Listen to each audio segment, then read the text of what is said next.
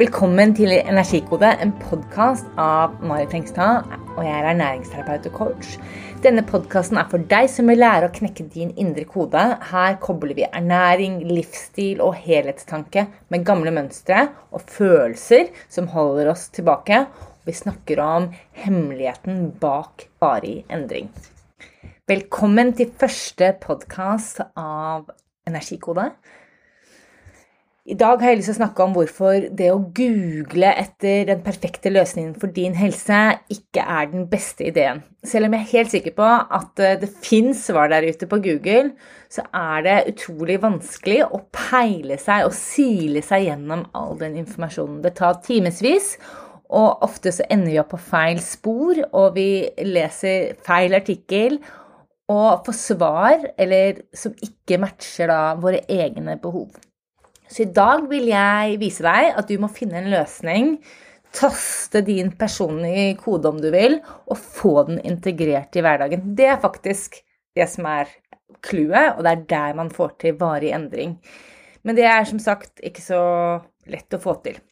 For du må finne ut hva som trigger dårlig helse, hva som trigger deg til å ta dårlige valg, og du må finne ut hva du trenger. Og ikke minst finne da de tingene som gir deg superenergi, og det som stjeler energi.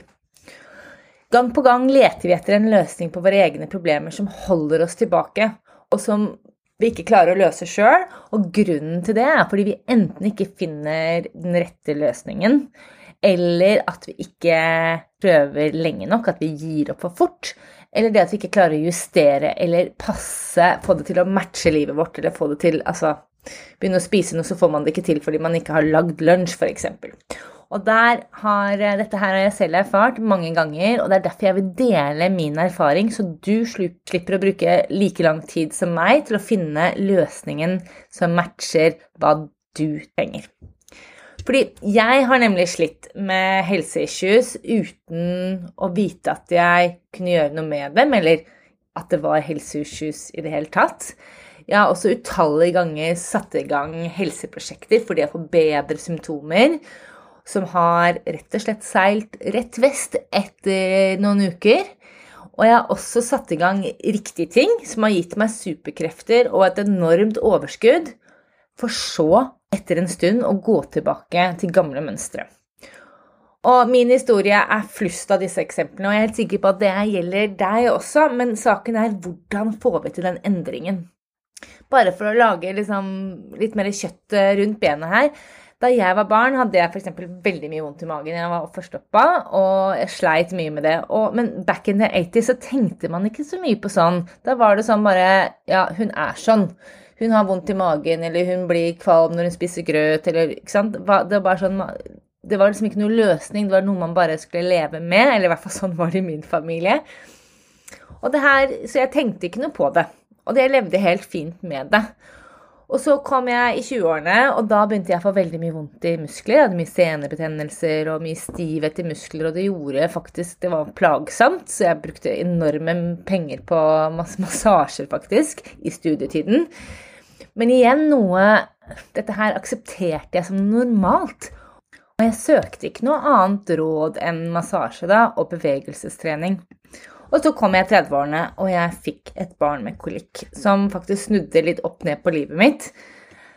For da Det tippet rett og slett litt over når hun bare skreik og skreik og skreik, og jeg hadde et enormt stressnivå i kroppen, og det var da symptomene ble Gikk fra liksom være Jeg kan leve med dette her dette her går nok bra, det er sikkert normalt å ha litt vondt, til at jeg aktivt begynte å søke hjelp fordi jeg ikke orket å ha det sånn som jeg hadde det. Jeg var som sagt stressa, jeg hadde vondt i ledd, jeg hadde vondt i muskler, jeg hadde, var betennelse, jeg var hoven, jeg mistet litt føling i hendene, det var mye greier, og det var hormonforstyrrelser. Og jeg var en slappfisk som fòret meg selv på kaffe og brownies for å holde øynene oppe. Og jeg søkte hjelp, og jeg fikk hjelp fra en ernæringsekspert, og fikk til masse endringer som hjalp. Jeg ble på et vis et nytt eh, menneske, og mye av den reisen jeg gjorde da, er grunnen til at jeg er her i dag og har tatt ernæringsutdannelse i tillegg. Så jeg satte i gang masse endringer basert på noen råd jeg fikk, og jeg fjernet mange av disse triggerne som ga meg ga meg eh, mye av det kroppen trengte, og jeg ble veldig mye bedre. Men jeg ble ikke helt bra. Fordi jeg fortsatte å google, jeg fortsatte å prøve ut nye kosttilskudd som jeg hadde lest om, eller en ny diett her og der. Jeg prøvde meg på sant, masse greier, og jeg syntes det var så klart litt hipt og kult òg, så jeg koste meg med det. Men, men jeg brukte enormt med krefter på å være på søken etter hva jeg trengte. Og det som begynte å skje, og som jeg ofte ser når jeg jobber med klienter også, er jo at mange kommer, og så tar de liksom råd fra ulike mennesker med en klype salt, og så setter de det sammen selv. Så det var akkurat det jeg gjorde. Så eksempel hun som ga meg råd, fortalte meg etter en sånn matintoleransetest at ikke jeg tålte melk. Og jeg kuttet melk, og, jeg, og det tåler jeg fortsatt ikke for øvrig. Men jeg kuttet den melken, og jeg hadde en enorm forbedring. Altså Det er den ene tingen som gjorde at jeg ble veldig, veldig mye bedre.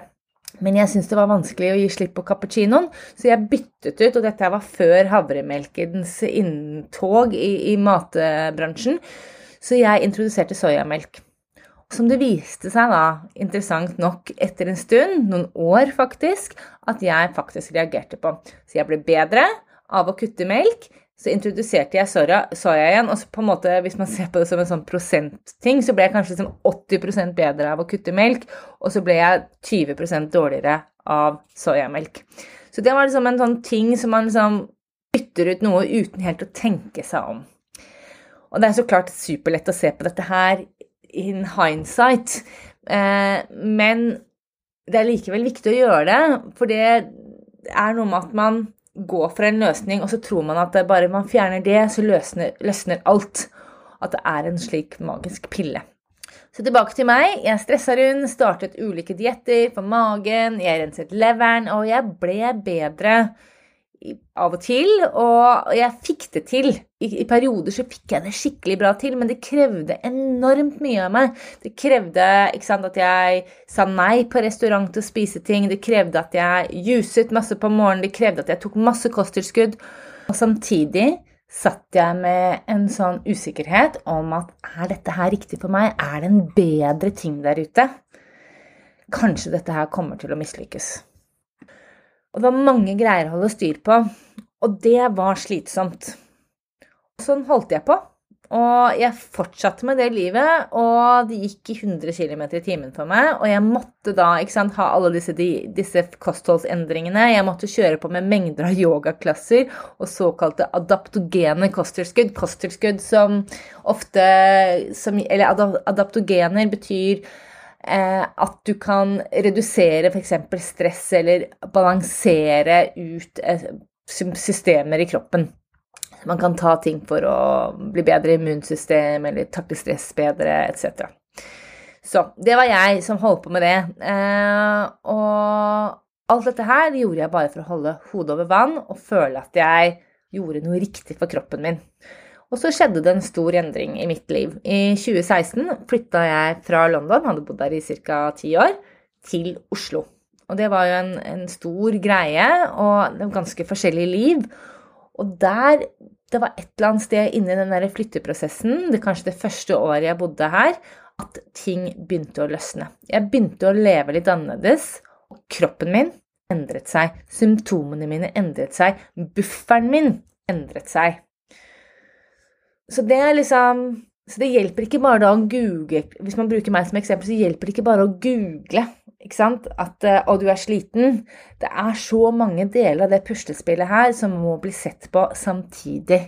Og man må også se på hvilke trigger i livet, hvilke gamle mønstre, stress, hvordan stressnivået f.eks. er, for å finne en løsning som sitter som et skudd.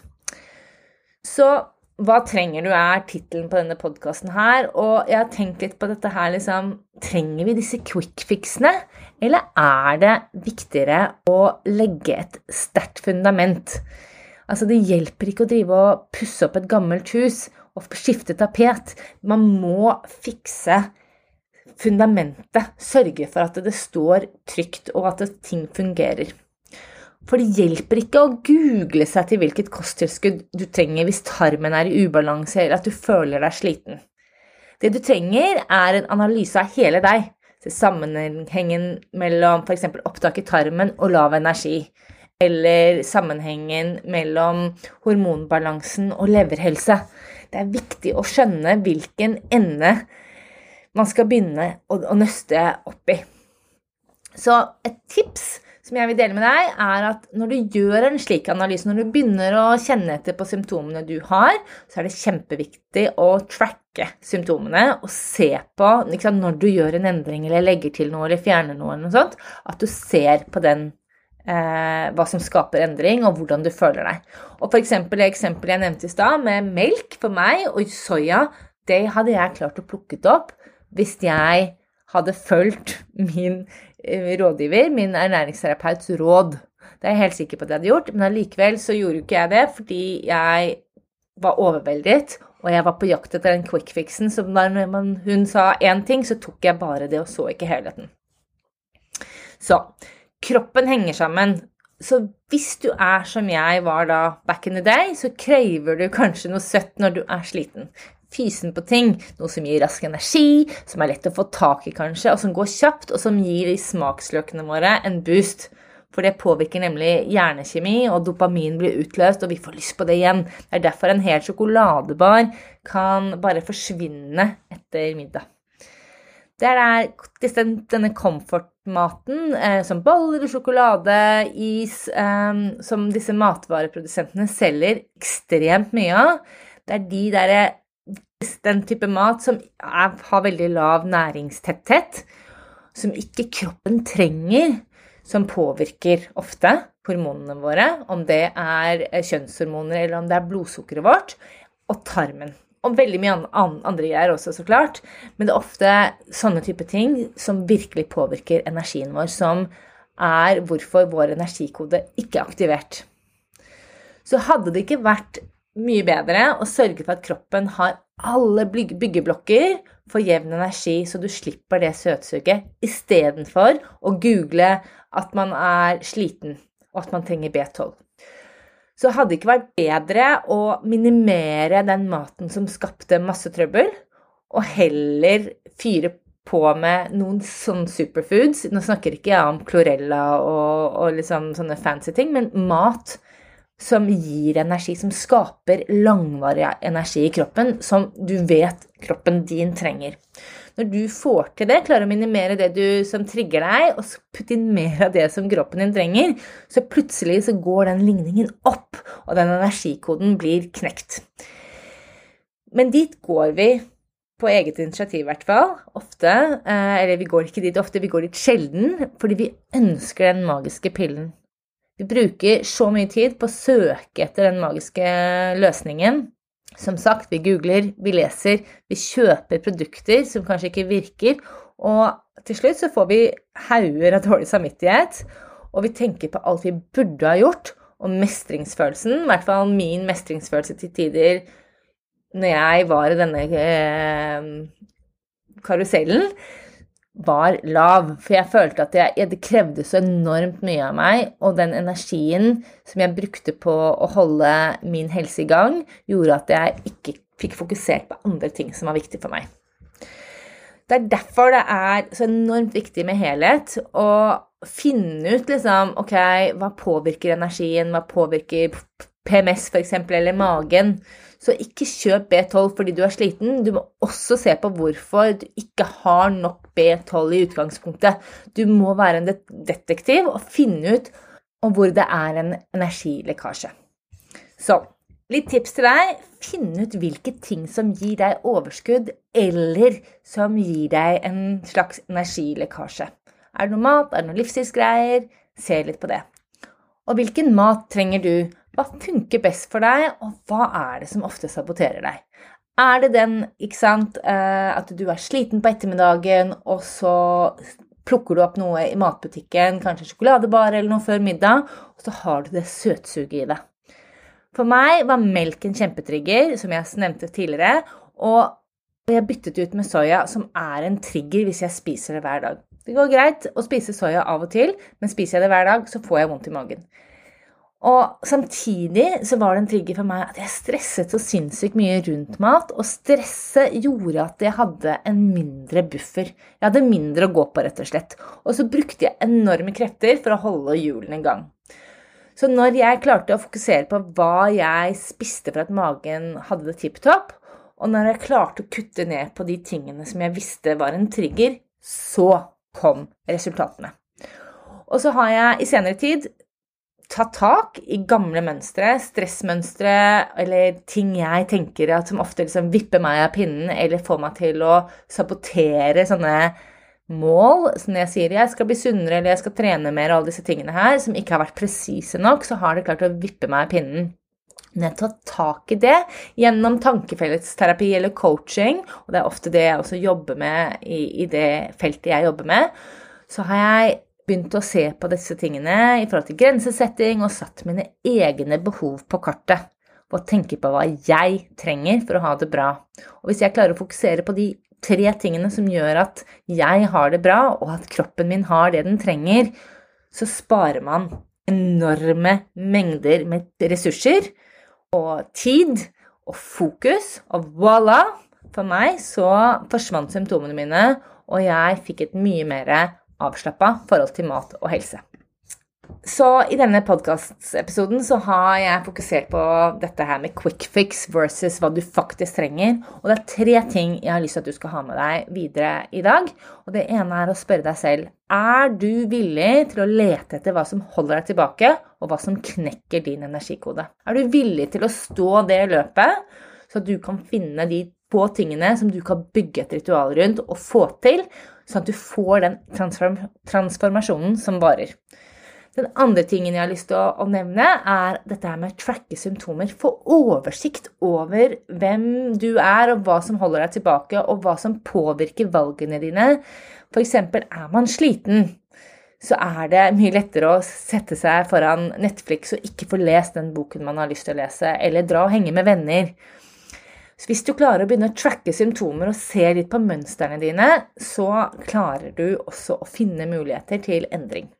Den tredje tingen som jeg vil at du skal ha med deg i dag, er å tenke litt på hvilke matvarer eh, som kan gi deg energi, og hva som stjeler energi.